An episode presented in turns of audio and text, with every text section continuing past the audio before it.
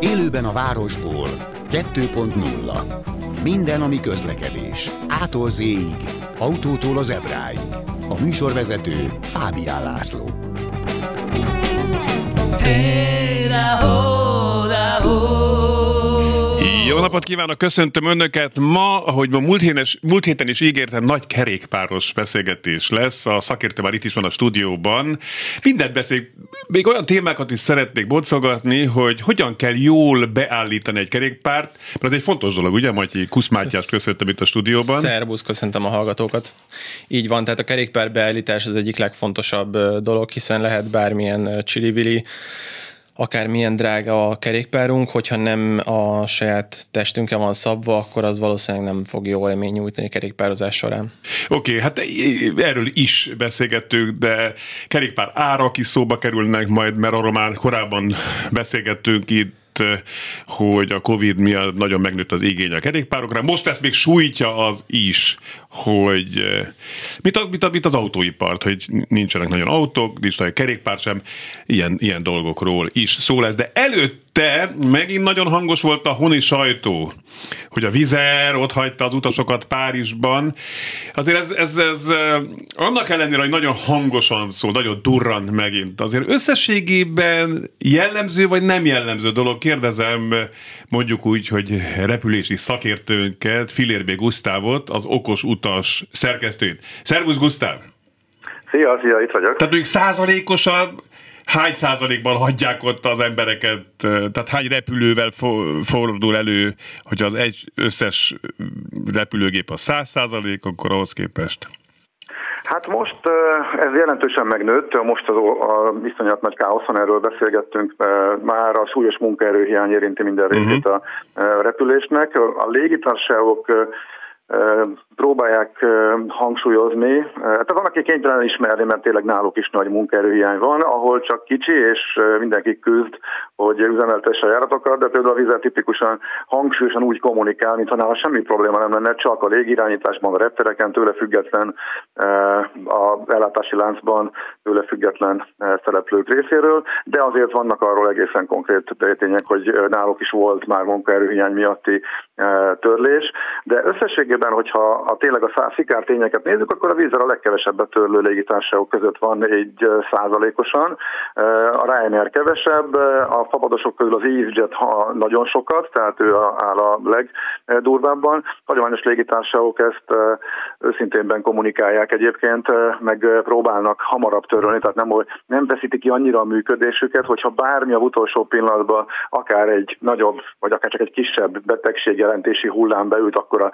utolsó pillanatban kell törölni. Nem mindegy, hogy hetekkel előtte törlik a járat, és az ember rá tud készülni, át tudja tervezni a utazását, vagy pedig már ott van reptéren, és akkor derül ki, hogy hát és akkor hazafelé az még cikisebb, nem? Tehát, hogy ott, ott mert itt, itt legfeljebb hazamész, és akkor másnap visszamész, vagy még azt mondom, Igen. hogy bár, bár Igen. hazamegyek, hogy a Budapesten lakom könnyű. függ, hogy hol történik. Mm. Ugye miután a vízer keveset töröl százalékosan, de a legnagy, ugye a, a két nagy budapesti légitársaság legtöbb út van, a legtöbb járat közül őnála van több törlés, eh, meg valahogy a, szeretik. A vizergépen mindig ül valaki, aki fölhívja a sajtóban az ismerősét, ez ugye ez nagy, nagy hullámokat vet, de amúgy mások sokkal többet törölnek, de az nem jut el a magyar sajtóba, ez az érdekes. Ezt a konkrét ügyet nézzük először is, és akkor vonjuk le következtetést, vagy, vagy képezzük magunkat az út, mint utas, hogy hogyha ilyen helyzetbe kerülünk, akkor mi a jó hozzáállás? Tehát most itt az történt, hogy törölték a gépet, ugye ez nem egy ördögtől való dolog, mert hát ez, ez rajtuk kívülálló ok miatt történik, gondolom én, ugye? Vagy igen? Történhet, ugye ez, ugye ez egy nagyon fontos kérdés, Na. és ugye az, hogy a légitársaság így kommunikálnak, az erre adott válasz eh, magyarázza, tehát ő megpróbálja titokban tartani, hogy eh, az ő hibájából, vagy tőle független, ettől függ, hogy az uniós szabályok értelmében pénzbeli kártalanítás is jár az utasnak. Tehát, hogyha valóban a légirányítás csúszott meg annyira, hogy sok órát késik a járat, addigra bezár a reptér, eh, akkor ez viszmajor, ezután nem kell neki fizetni a kártalanítást. De ha mondjuk tényleg nála nem mentek be a dolgozók, mert eh, teljesen mindegy, hogy miért a személyzet hiány van a légitársaságnál, akkor kőkeményen jár eh, ez a 250, illetve 400 eurós milliárdos kártalanítási összeg, csak ugye ezt az utas nagyon nehezen tudja bebizonyítani, mert hát azért próbálják elő, előle az információkat eltitkolni a légitársaságnak. Alapvetően az érdeke, hogy mindent viszmajorként tudjon föltüntetni. És e, bocs, bocs, bocs, a viszmajor, dolog, a bocs. dolog, ez teljesen független attól, hogy ott a helyszínen törlés esetén mit köteles biztosítani a utasok számára a légitársaság. És hogy a viszmajor az azt jelenti, hogy akkor én buktam a visszafelé út, vagy odafelé út, akár az egész utat? Nem, a viszmajor csak azt jelenti, hogy elhárítatlan ok, tehát hogy nem tehet róla a légitársaság. De ez haza kell hozniuk. Valahogy. Ez csak ennyi. De haza kell hozniuk. És ugye a Viszmajor az csak a pénzbeli kártalanítás alól mentesít. Attól az ellátási kötelezettsége, meg a hazaszállítási kötelezettsége az ugyanúgy fönnáll, tök mindegy, mi miatt van a törlés. Tehát ugye az esetben nincs különbségtétel. Tehát az egészen konkrétan le van írva, hogy mi jár, amit ezen belül szabadon értelmeznek a légitársaságok, és az elmúlt vízertörlések erre irányították rá a figyelmet, hogy az ellátási kötelezettsége alól ő úgy gondolja, hogy hát nem is kihúzza magát, ő úgy értelmezi, hogy hát elvileg neki ott ezek esti törlések, bezár a reptér, nem tud leszállni a gép, akkor neki az utasokat el kéne vinni szállásra, ellátást adni neki, és a következő járattal uh, hazahoznia, akár más légitársaság járatával is hazahoznia. Ebből ő annyit csinál, hogy küld egy linket, hogy lép be az oldalunkra, és foglalját magadnak, aztán majd valami lesz. Oh. Emellett ugye az ellátási kötelezettségben ez a szállás dolog, erről küldenek egy másik e-mailt, hogy hát bocsi, nem találtunk, a partnerünk ott azt jelentette, mi ott sem vagyunk a reptéren, hogy sem, nem is volt ott sose, a partnerünk azt jelentette, hogy nincsen szállás, old meg magad, utólag kifizetjük. Ő ezzel teljesítettnek gondolja az ellátási kötelezettséget. Te, és te mit mondasz erre, mint szakember? Hát hogy menjenek azért, a jó büdös Azért édes. nehéz, mert én jártam úgy, hogy ha, ha tudnak, egy normális esetben azért szok, el szoktak vinni szállásra. Uh, tehát én voltam többször is, hogy ez, hogy ez működött, de miután most tényleg tele vannak a szállások uh, a repterek környékén, mert sok a törlés, tehát hogyha tényleg egyszer, tehát nincs annyi szállás, hogy minden töröl, ha, ha, több törlés van akár időjárás miatt, előállhat olyan helyzet, hogy tényleg nincsen szállás. Okay, de és... ettől függetlenül az is benne van, hogy a földi kiszolgálók is túlterheltek, kevesen vannak, hát egyszerűen nincs, aki megszervezze valóban. E, szóval ez, ez, is, ez is fölmerül. Tök jó lenne, hogyha ez gördülékenyen működne, de itt jön be az utas számára tényleg az, hogy onnantól kezdve azonnal keresünk, ott van nálunk az, az applikáció, rányomunk egy foglaló oldalra, és viszonylag közel találunk egy szállást, akkor tényleg sokkal egyszerűbb azonnal foglalni egyet, bevágni magunkat a taxiba, és ez mind utólag kénytelenek kötelesek kifizetni, tehát az a legegyszerűbb. Jó, akkor bemegyek a Concord Lafayette hotelba, a 18. emeletre, vagy a Meridian Etoile-ba. Vagy... Figyelj, erre az van, hogy Hát van erre egy kifejezés, hogy meghatározott, vagy hogy racionális költség keretig, vagy valami ilyesmi. Mm. Tehát nyilván luxus lakosztályt nem fognak kifizetni, de egy középkategóriás hotelnek a, a szobáját, akkor is, ha utolsó pillanatban ez mondjuk 100 vagy 200 euró, azt igen. És hogyha csak három nap múlva tudok továbbállni, mert úgy, úgy van repülő? Na ez egy másik kérdés, itt gumi a szabályozás, hogy el kell vinniük, hogy a legegyszerűbb az, hogyha az ember, ha tényleg, ha valóban a törlést azonnal átvezetik a rendszerükbe, és azonnal át lehet foglalni, akkor tényleg a leggyorsabbak fölférnek a másnapi gépre, akkor, akkor elég sok utast el tudnak vinni. A fele utas eleve nem utazik mondjuk egy átlagos célállomáson, mert nekik ugye a kiinduló állomás, mondjuk a francia turista jönne Budapestre, és már rögtön törölték neki a jártát, maradva a párizsi például, akkor erről lemond. Ha hazafele magyarok, ők kénytelenek jönni, mert ugye ők ide jönnének, tehát mondjuk a fél gépnek kell megszervezni az utazását, van, aki ráér, mert van ismerőse, van, aki siet, és akik sietnek, azok próbálnak minél gyorsabban átfoglalni, de ha nem sikerül, akkor meg a másnapi járatra, akkor elvileg ilyenkor lenne az, hogy más légitársággal is kötelesek elvinni. Ezt ők soha nem fogják megszervezni és felajánlani. Viszont, ha az utas maga vesz egyet egy másik légitársaság járatára, hogyha tényleg a másnapi gép már megtelt meg a következő napi is, akkor ezt is kiszokták azért fizetni utólag, de ezt megint magunknak kell intézni, mert ezt, ezt bizony a papados légitársaság bizottság nem fogja. Okay. Ezt csak így kényszer, kényszeredetten utólag kifizeti. Jó, tehát magyarán akkor most, ki, ugye a cikkek így, így szóltak, hogy kínhagyták az utasokat. Tehát akkor vagy magyarán ez történt, amit mondasz, hogy csak küldtek egy linket jóval később, és hogy ód meg bütyök.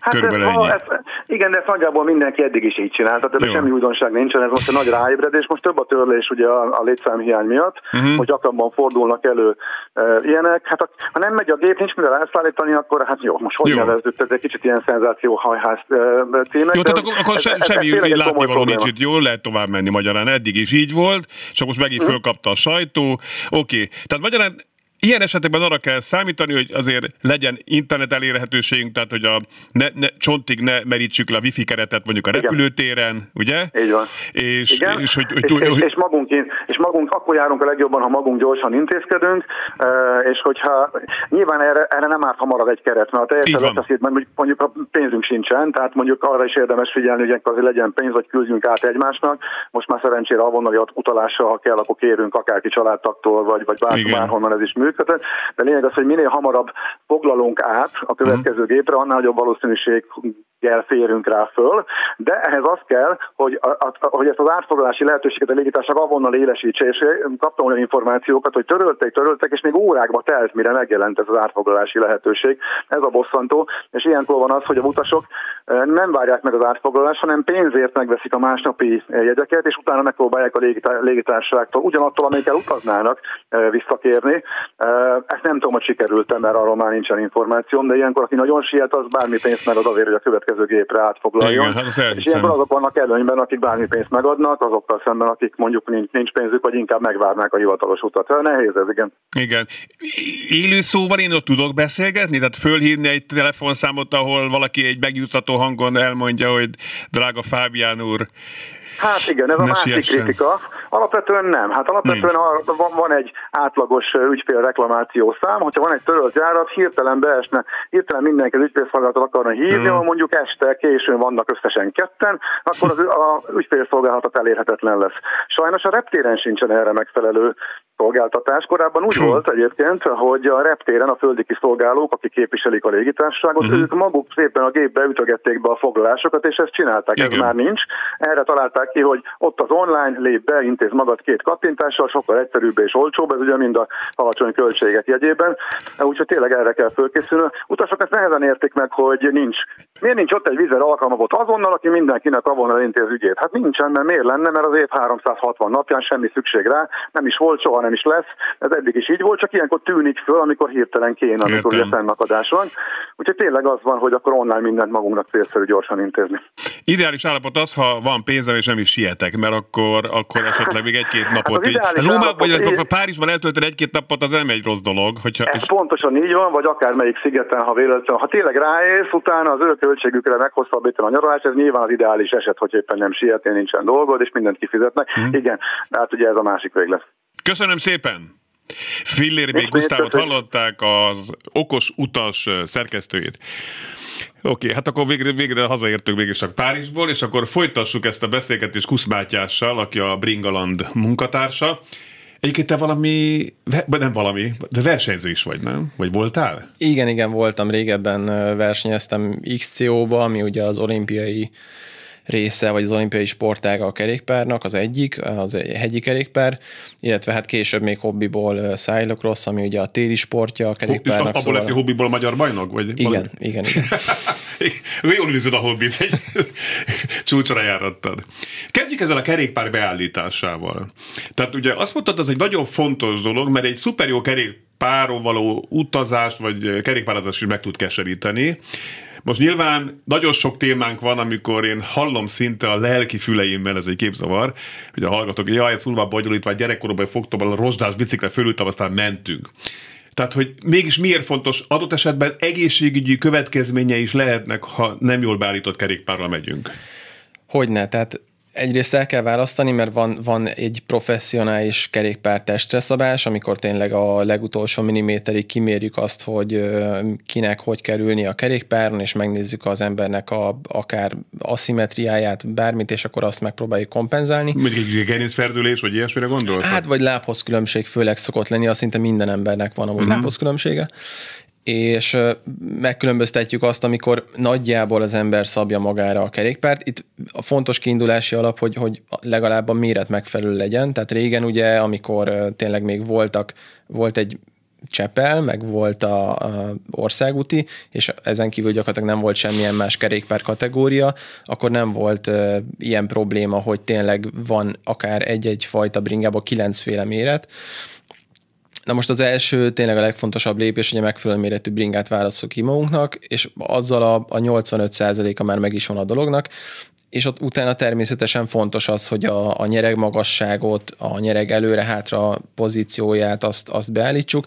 Ez szintén az egyik legfontosabb, itt tért fájdalom vagy tért problémákat okozhat, hogyha például túl elől vagy túl hátul ülünk a nyergen, meg ugye sokkal nehezebb lehet például tekerni a kerékpárt, tehát ugyanazzal a befektetett energiával akár lassabban is haladunk. Uh-huh.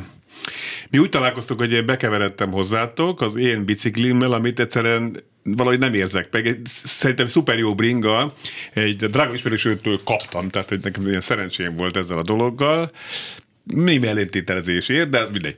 És a lényeg az, hogy, hogy valahogy nem éreztem jól, mert nekem például azt mondták, mert sokszor ilyen fájós a hátam, hogy üljek egyenesen, mint az, az holland stílusú biciklike, vagy úgy hívják, nem? Amikor igen, egyenesen ülsz egy cilinderben gyakorlatilag.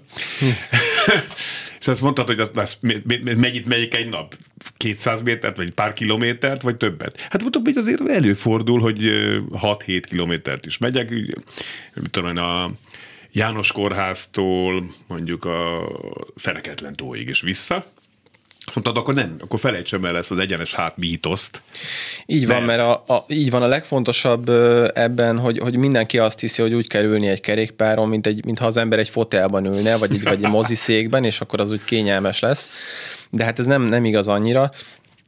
Ugye, hogyha nagyon függőlegesen ülünk a kerékpáron, akkor a kezünkkel nem tartunk semmit, és akkor a gerincoszlopnak az alsó részére gyakorlatilag a felső testnek a teljes súlya ráterhelődik. És hogyha ugye ülünk a, a, a nyergen, nagyon sok úthiba van, nagyon sok döccenő, olyankor ugye a csigolyák akár hát nem ütődnek egymáshoz, de ugye a porcot nagyon nyomják, és a porcot gyakorlatilag üthetik egymáshoz. Pont ezért ugye az ilyen városi jellegű, ilyen holland kerékpároknak hívják ezeket. Ezek tényleg ilyen nagyon rövid távokra jók, vagy a balatoni nyaralótól elmenni a Balatonpartra, vagy fagyizni tényleg egy 20 percre, meg ennek emlékszem, régen ilyen rugós ülései voltak, az ilyen, ilyen biciklik. Van, Most hát, már nem, nincs ilyen, nem? Hát de még azért, még azért jellemző szintén. De egy új, új bicikliknél is? Abszolút, abszolút. Az ilyen de holland típusú bringákon... Erre, pont, hogy ezt kicsit csillapítsa ezt a így van, gerincre kicsit...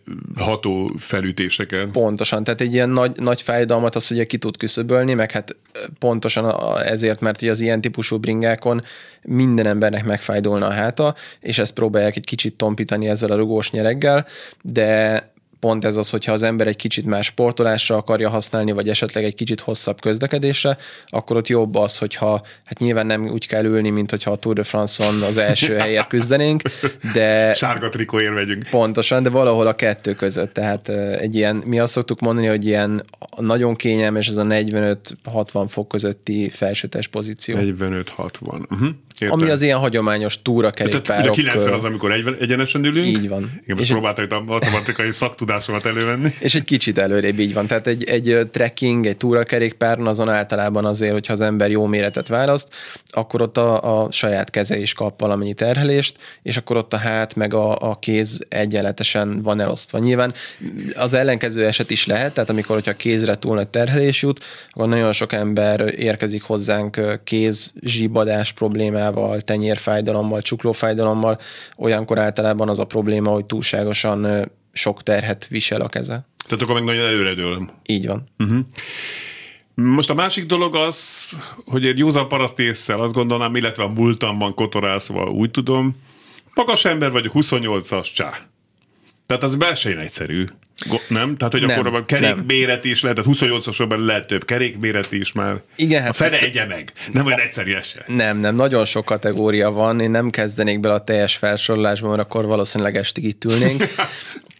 de, de egészen a holland típusú kerékpároktól mondjuk induljunk el, és akkor vannak az úgynevezett fitness kerékpárok, amik ugyanúgy 28-as kerékkel vannak, mint a hollandok, de Tehát a 28 a kerékméret mindig. Így van, mm-hmm. az mhm. mindig a kerékméret, és akkor általában... Akkor a vázméret változik A még. vázméret mindig változik. A 28-as kerékméret mondhatjuk, hogy most manapság már egyeduralkodó, van még egy pár gyerekbringa, ami 26-os kerékkel van, van egy-két olyan extrém felhasználású bringa, ami 27 feles kerékkel van, de a 29-es, vagy a 28-as kerék az egyeduralkodó, a Montiknál is amúgy ezt használják, csak ott a gumi miatt hívják 29-esnek, mert ott a gumi átmérő nagyobb gyakorlatilag, uh-huh. és ezért lesz a kerék külső kerülete nagyobb, de maga a felhasználási terület tényleg az ami, az, ami fontos. Én azt gondolom, hogy az átlagembernek egy ilyen cross-tracking jellegű kerékpár a megfelelő. Egy városra ahol, is jó?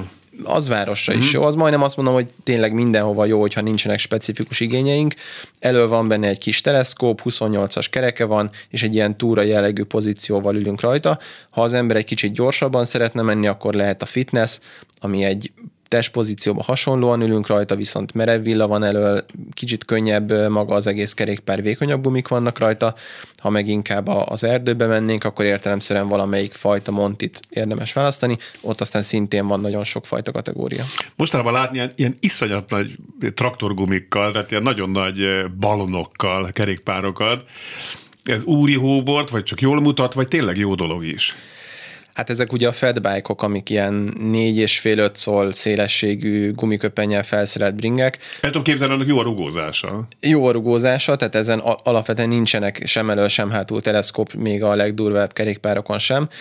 Van előnye, én mentem is amúgy ilyen bringával terepen, vagy komolyabb terepen is, de városba felejtős minek? Városba teljesen, tehát ez, ez abszolút ilyen inkább Montira való, és hát én ajánlani nem ajánlanám senkinek, mert általában megvan ehelyett a, a jobb választás. Ahol előnye lehet, azok tényleg az ilyen nagyon laza szerkezetű talajok, tehát ha valaki alföldön szeretne montizni, ami egy ilyen kicsit...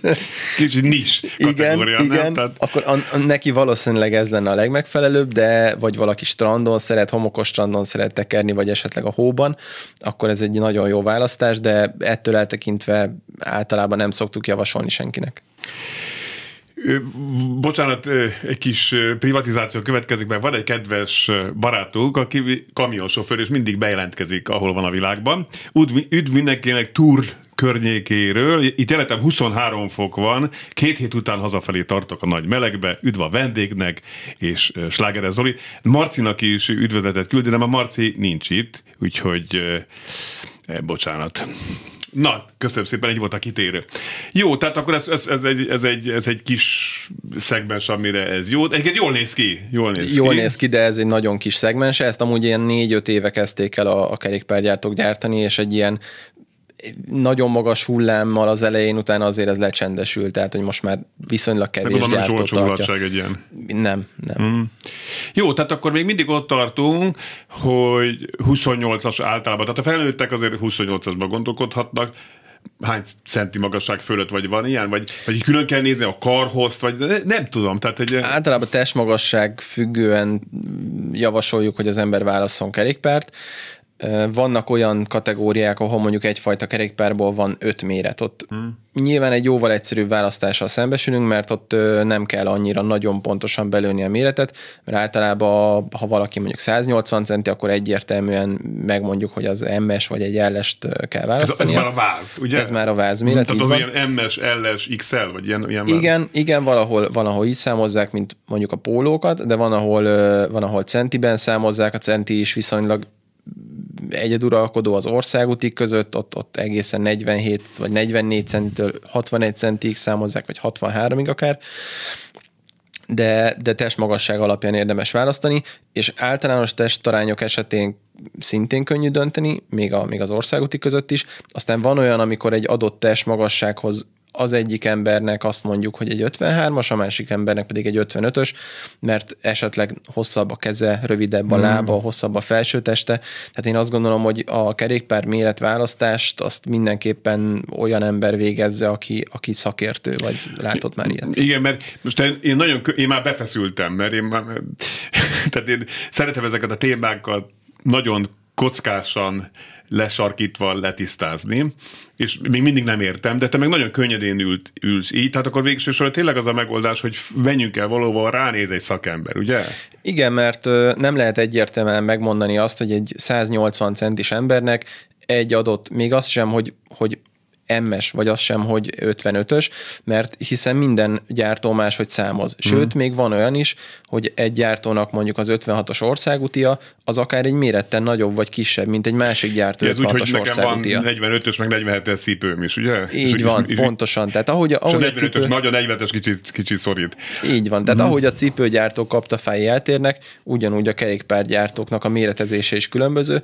Tehát ha valaki nem ismeri annak az adott gyártónak azt a specifikus modelljét, és hogy anna, azt milyen magassághoz érdemes használni, uh-huh. akkor nagyon nehéz neki tanácsot adni. Még folytatjuk ezt a témát, aztán kicsit szeretnék még beszélgetni itt az izületekről, hogy azt hogyan védhetjük. Még akár nyáron is az egy, ez egy kérdés, ugye? Tehát, hogy nem, nem csak télen az, hogyha... Tehát... Hát az izületekkel alapvetően a, szintén a kerékpár helyes beállításával Jó. védhetjük a legtöbbet, aztán hidegben nyilván más, más tiszta. Jó, aztán vásárolunk is kerékpárt, mert az, az egy, ez egy könnyű dolog, már mint az árakra is kitérünk. Kusz Mátyással, a Bringaland munkatársával hamarosan folytatjuk.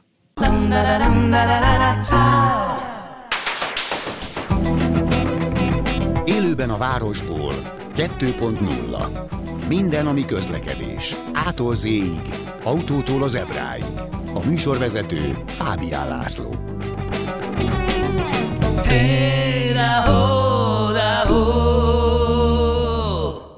Ismét köszöntöm Önöket, és a stúdióban Kusz Mátyást, aki a Bringalan munkatársa, és kerékpározunk, tehát ennek végére jutottuk már ennek a beállítósnak, mert ugye letisztáztuk azért, hogy tehát nézzen rá esetleg egy szakember, akkor is nézzen rá egy szakember, hogyha én úgy érzem, hogy teljesen jól vagyok a bringán, és bettem már vele egy hónapot, és itt se fáj, ott se fáj, akkor is azért érdemes? Általában azért, hogyha nincsen jól beállítva valami, akkor az, az kijön egy, egy hónap használat után. Uh-huh. Tehát, hogyha az embernek nem fáj tényleg a nyaka, a válla, a térde, a csuklója, a tenyére nem zsibbad, akkor szerintem nincs ok arra, hogy, hogy bárki ránézzen. Bár én azt gondolom, hogy nagyon sok helyen, nagyon sok üzletben legalább egy annyit tényleg, hogyha egy külső szemlélő megnézi, aki látott már sok kerékpáron ülő bringást, és azt mondja, hogy valóban tényleg jól ülünk a bringán, akkor azzal egyrészt nem kerül semmibe, Másrészt meg egy ilyen plusz megerősítés, hogy tényleg nincsen semmi gond az ülés pozícióval. Mm, jó, ez megéri. Igen, mert egyébként én szeretem átnézetni szakemberekkel a kerékpárt. Mm, tehát, hogy csak úgy menjen vele esetleg, mert, mert nekem is ész feltűnik, hogyha kicsit ott valami nyikorog, vagy szorul, vagy valami, de hát az végig is egy szakember ránéz, akkor...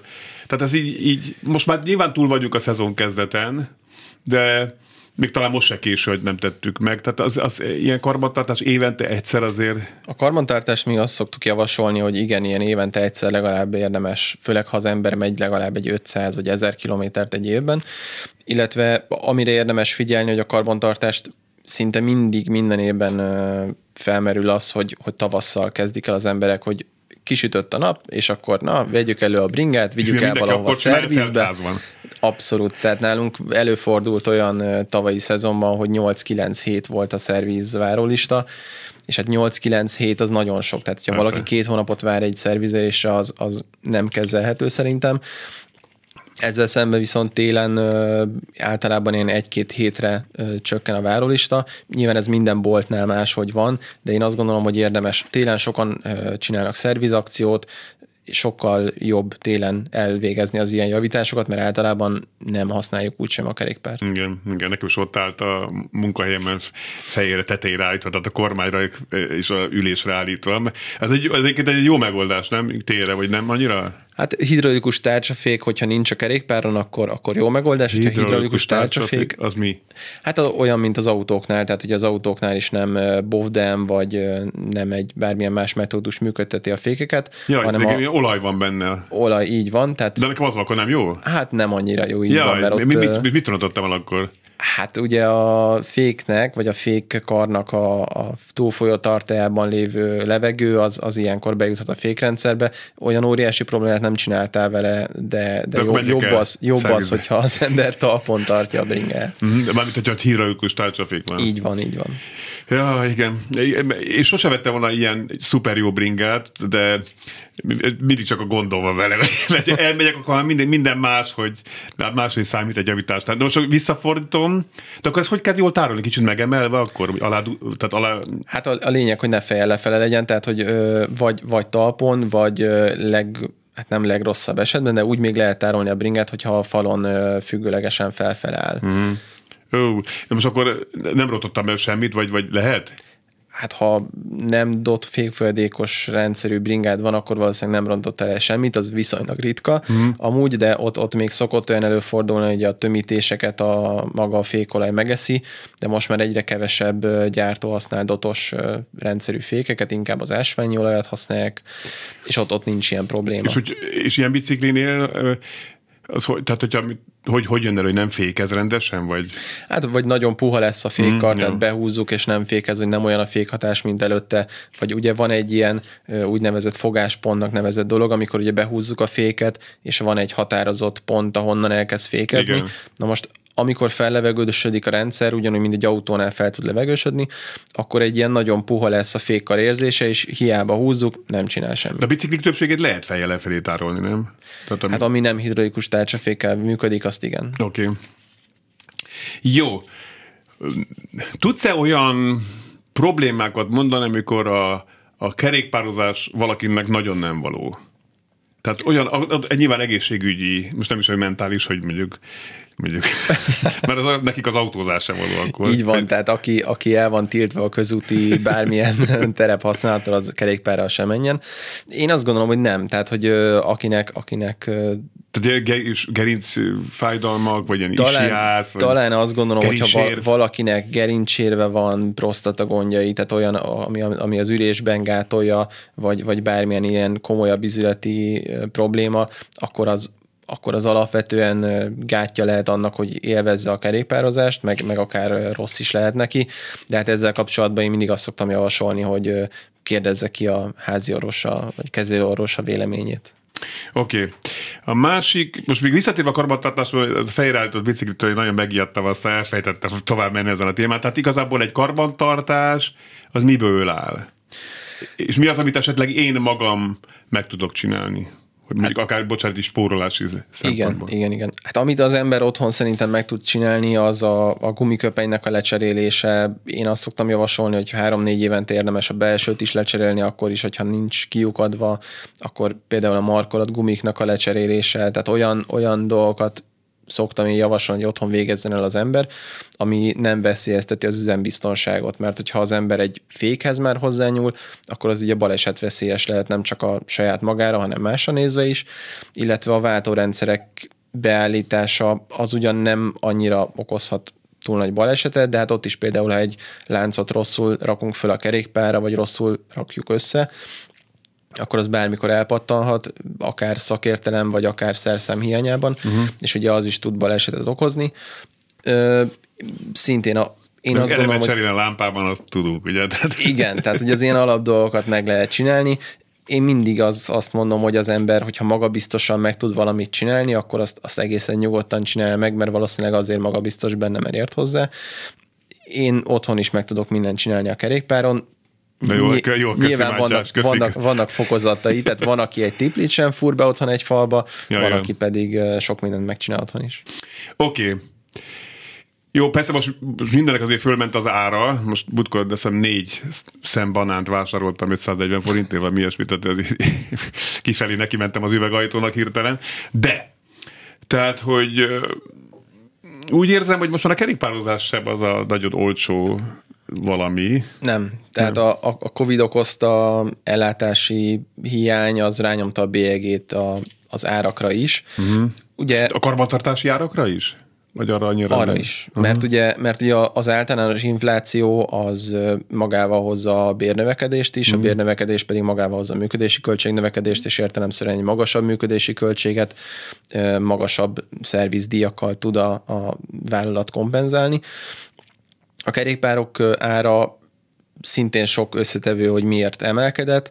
Az egyik legnagyobb az a 19 utáni megnövekedett konténerszállítási díj, mondhatjuk így, mert ugye szinte az összes kerékpár vagy kerékpáros alkatrész az Tájvánból vagy, vagy abból a környékből jön, Kambodzsa, Kína, ilyesmi helyekről, és ott tényleg volt olyan, hogy a, az addigi ilyen 5-6-8 ezer eurós konténerszállítási költség az a, az a 4-5-szörösére oh. ugrott.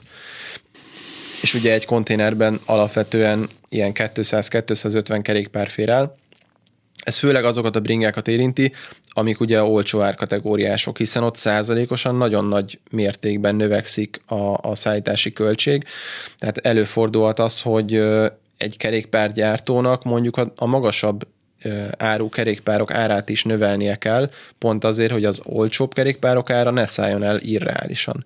Tehát gyakorlatilag előfordulhat az, hogy egy két-három milliós kerékpárnak a, a, a, a valamennyi részéből az olcsóbb bringának a szállítási költségét fizetjük meg. Mm-hmm.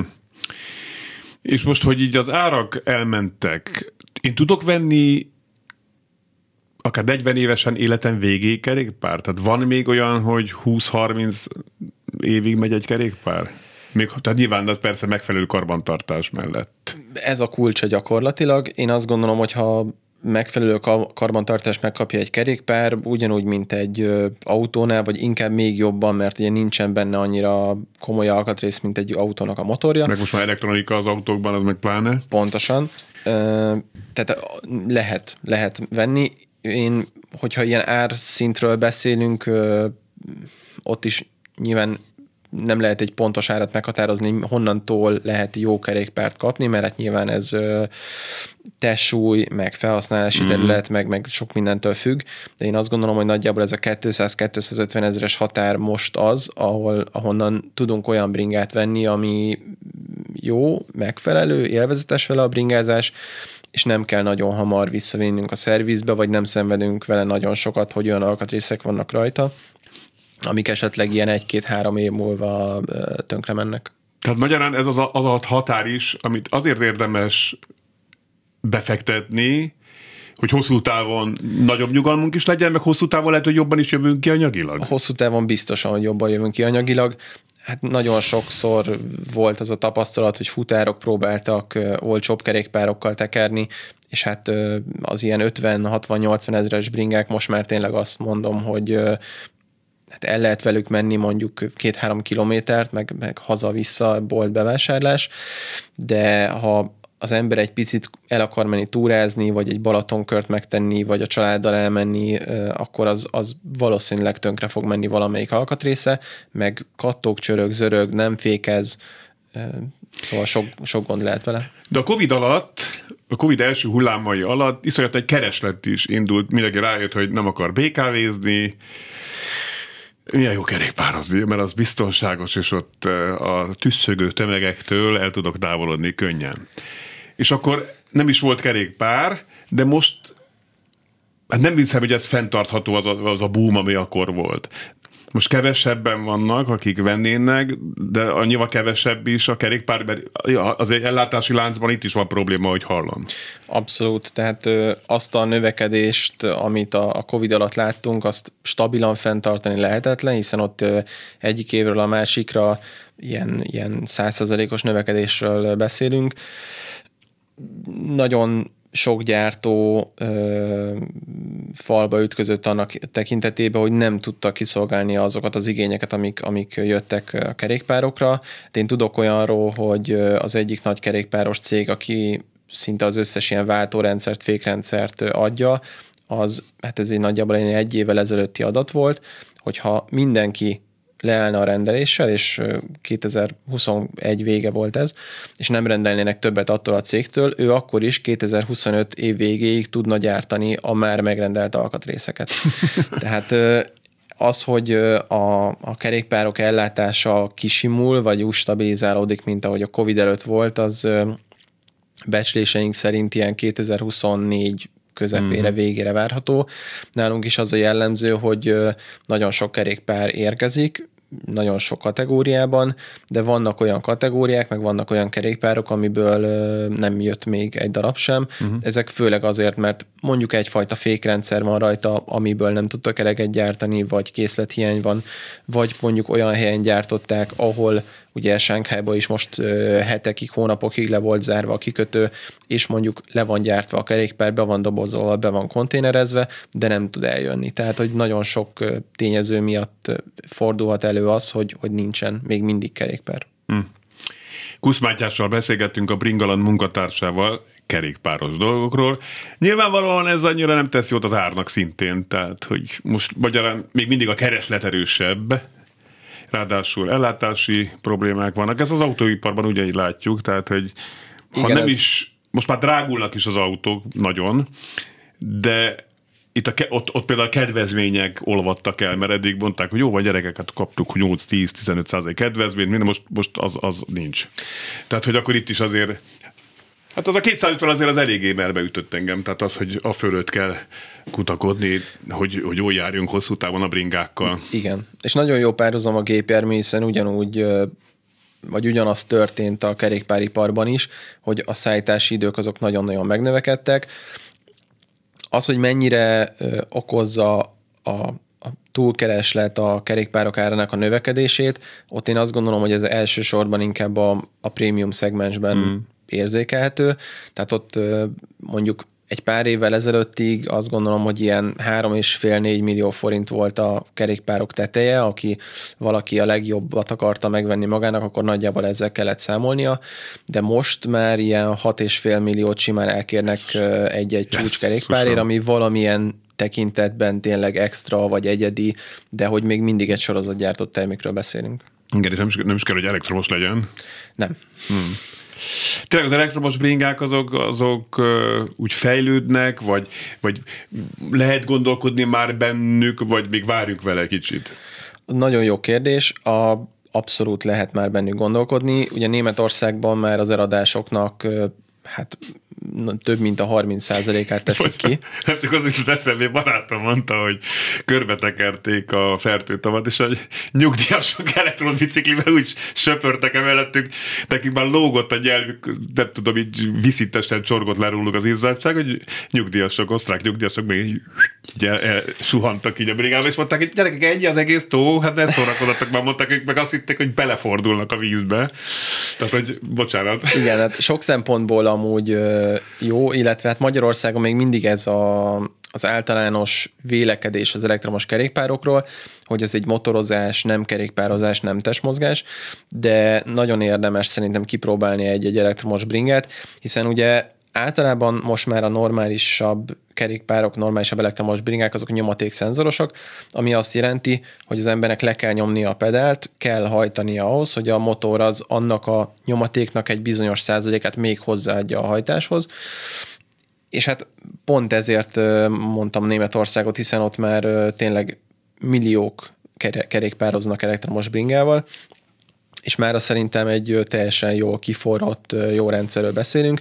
A legjobbak azok tudnak akár ilyen 120-140 kilométert is megtenni. Visszatölt fékezéskor. Meg. Hát az nem tölt vissza fékezéskor, ez egy nagyon nagy tévhit. A Na. fékezéskor visszatöltés az főként elektromos autóknál Igen. fontos, meg ott tudják kihasználni, de ott is azért, mert ugye az elektromos autónak van egy borzasztó nagy önsúlya, és azt az önsúlyt kell mozgásba hozni, majd leállítani, és ugye az, hogy egy két tonnás autót lefékezzünk, ott nagyon sok energia termelődik vissza, tehát az vissza lehet és érdemes táplálni a rendszerbe.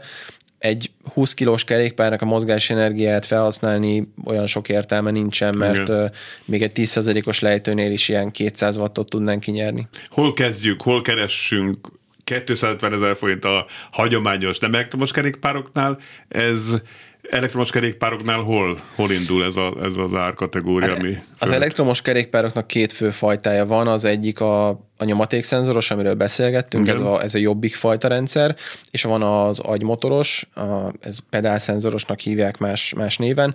A pedálszenzorost én azért mondom azt, hogy inkább kerüljük, ha van rá lehetőség, mert ugye az úgy működik, hogy ha rálépünk a pedálra és érzi, hogy a pedál forog, akkor ő a megadott beállításnak megfelelően megindul. Tehát ott teljesen mindegy, hogy mennyire erősen tekerjük a bringát. Ja, egy, lehet, hogy bele se kaptunk így a van, tekerésbe. Így van, mint egy megvadult ló, megindul a bicikli. Uh-huh. És hát azért ez nem egy, nem egy kerékpározás feelingjét visszaadó tekerés lesz, hanem tényleg egy ilyen, egy ilyen rángatós, kicsit kényelmetlen dolog. Na ezek a kerékpárok nagyjából ilyen 4-500 ezer forinttól indulnak, a nyomatékszenzorosak pedig ilyen 8-9 ezer mm. forinttól. Amiben érdemes gondolkodni. Ha már olcsóbb is van, akkor az lehet, hogy full gagyi. Igen, tehát Jó. ezeknél szerencsére nagyon sokkal olcsóbb nincsen, de hogyha még van is, akkor azok valószínűleg igen valahol, valahol hibáznak.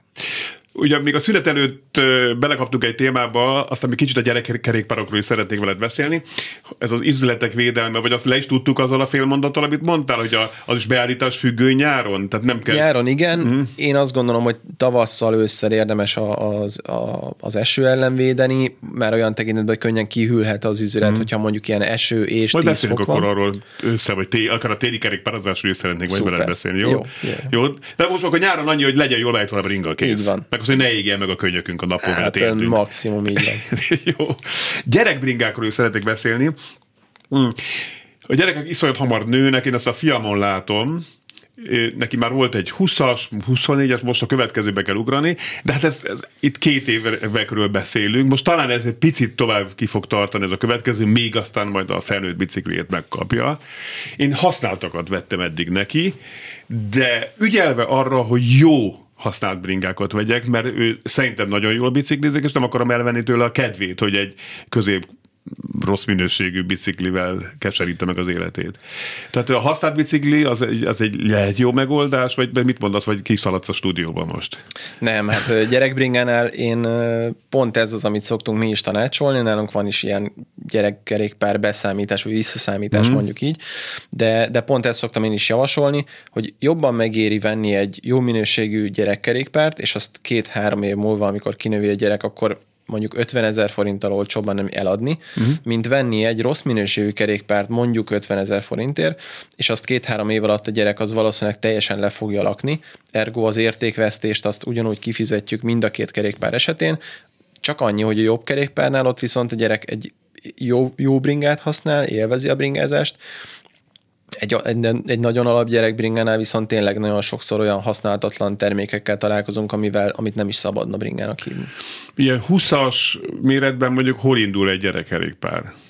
Árban. Hát sajnos az infláció ezeket a kerékpárokat Gondolom. is elérte, és egy nagyobb nevű gyártótól egy 20-as kerékpár az nagyjából ilyen 100-120 ezer forint. Használatban? Nem, újban. Ja, újban. És használatban? Hát használatban hát, nagyon változó, uh-huh. ugye ez állapot függő, ja, mennyire verik le a festéket. már lehet, hogy beleugranom. Az egy reális használt ár. És akkor a következő mondjuk a 24-es kategóriában, az már akkor nem nagyon nőnek a gyerekkerékpárok árai, azok én Tehát azt gondolom... Méretfüggő. Méret nem, nem méretfügg annyira. Így van, inkább azt gondolom, hogy kerékmérettől függően ilyen 90-től indulunk, és akkor ilyen 10-20 ezer forinttal nő az áruk egyel nagyobb kerékméret esetén. Jó. Jó, ez se egy egyszerű téma, és a gyerekeknél, mert mondjuk a fiam aztán tényleg rápattant bármire egyébként, ez megy. Ott, ott is azért ez a, ez a kerékpár beállítás az egy fontos ügy. Hogy nyilván persze, hogy hogy lelógjon a lába, vagy tehát, hogy... Hát az alapszabályokat érdemes betartani, így van, tehát a nyereg pontos pozíciójának a beállítása az egy fontos dolog, meg hát nyilván beszélünk arról is, hogy hogyha 12-es bringáról van szó, ott még ugye pótkerékről van szó, lehet, hogy még nem is tud a, a kicsi előre tekerni tökéletesen, hanem meg általában az szokott lenni, hogy ugye futóbringával kezdik, Igen. és amikor ráül az, a kisgyerek egy 12-es bringára, akkor így előre-hátra próbál meg megtekerni, és hát előre még megy, de amikor hátrafele, akkor ugye a kontrát működteti. Igen. Szóval... Ezek kontrások általában a gyerekbringák, ugye? Hát 16-os méretig igen, és akkor 16-os méret felett, ugye, mert ott már van a, a gyereknek elég ereje a kézben, hogy Aha, működtesse ugye a kéziféket. E, előtte azért nincs, mert egy, mert egy tényleg egy nagyon pici gyerek, egy három-négy éves gyerek nem tudná olyan erővel meghúzni a kézi fékkart, hogy az megfelelő lassulást biztosítson. No, még van, van egy bő percünk, tehát a lábunk az teljesen legyen egyenes? Vagy, tehát, hogy, hogy ülök jól a biciklin? Ezt csak így próbáld meg így szemléltetve elmondani. Tehát, hogy, hogy lábújhegyen kell állnom, amikor, és ez a gyerekbiciklikre ugyanígy igaz. Hogy kell? Tehát, hogy, hogy kicsit képbe legyünk, hogy most teljesen rosszul ülünk a biciklin, és menjünk el valahol megnézetni. Hát a, a pontos beállítás az nem férne bele egy percbe, de, mm. de én azt mondom, hogy ha úgy húzzuk ki a nyerget, hogy amikor rajta ülünk, akkor a sarkunk eléri a pedált kinyújtott állapotba, akkor az a jó magasság. Pedál, ugye? Így van, amikor len van a legtávolabbi pontban van a pedál, akkor a sarkunk éri el a pedált. Ezzel azt érjük el, hogy amikor a normál pozícióban rajta bocsánat. van, nyújtott lábbal. Uh-huh. Ezzel azt érjük el, hogy amikor normál pozícióban, tehát a tap elejével tekerünk, akkor ugye egy picit behajlított lesz a lábunk, ez a jó beállítás, illetve a nyereg előre-hátra pozíciója szintén még egy nagyon fontos, ott meg az, az az aranyszabály, hogy amikor vízszintes állásban van a hajtókar, és rálépünk a pedálra, akkor egy függővel, hogyha térdünk elejére rátesszük a függőnek a zsinórját, akkor nagyjából pedáltengely elejét metsze. Hogyha ez a két beállítás megvan, akkor olyan nagyon mellé nem tudunk nyúlni. Matyi, nagyon szépen köszönöm. Nem aggódtam, hogy, hogy nem beszéljük végig majdnem az egész órát, de de, de még van benne, esküszöm. Tehát, hogy... Köszönöm én is a lehetőséget, és, és valóban a kerékpározás az elsőre egy nagyon egyszerű dolognak tűnik, de, de, de napo, lehet napokat lehet róla beszélni. Nagyon szépen köszönöm Kusz Mátyást, a Bringalan munkatársát hallották, jövő héten is folytatják, vigyázzanak magukra addig is. Most jövő héten nem jön a Kressz professzor élőben biztosan, ha addig sikerül, akkor fölveszünk egy adást, ha nem, akkor egy héttel később. Tehát még egyszer vigyázzanak magukra, Lantai Miklós adásrendező nevében köszönöm a figyelmüket. Fábián Lászlót hallották, viszont hallásra!